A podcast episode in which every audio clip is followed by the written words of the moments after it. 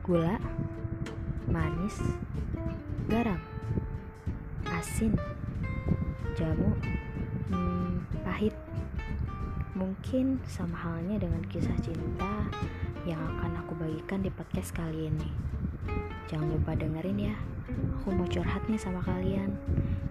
Siapa tahu ada yang mengalami hal yang sama dengan kisah cinta yang akan aku bagikan di podcast ini.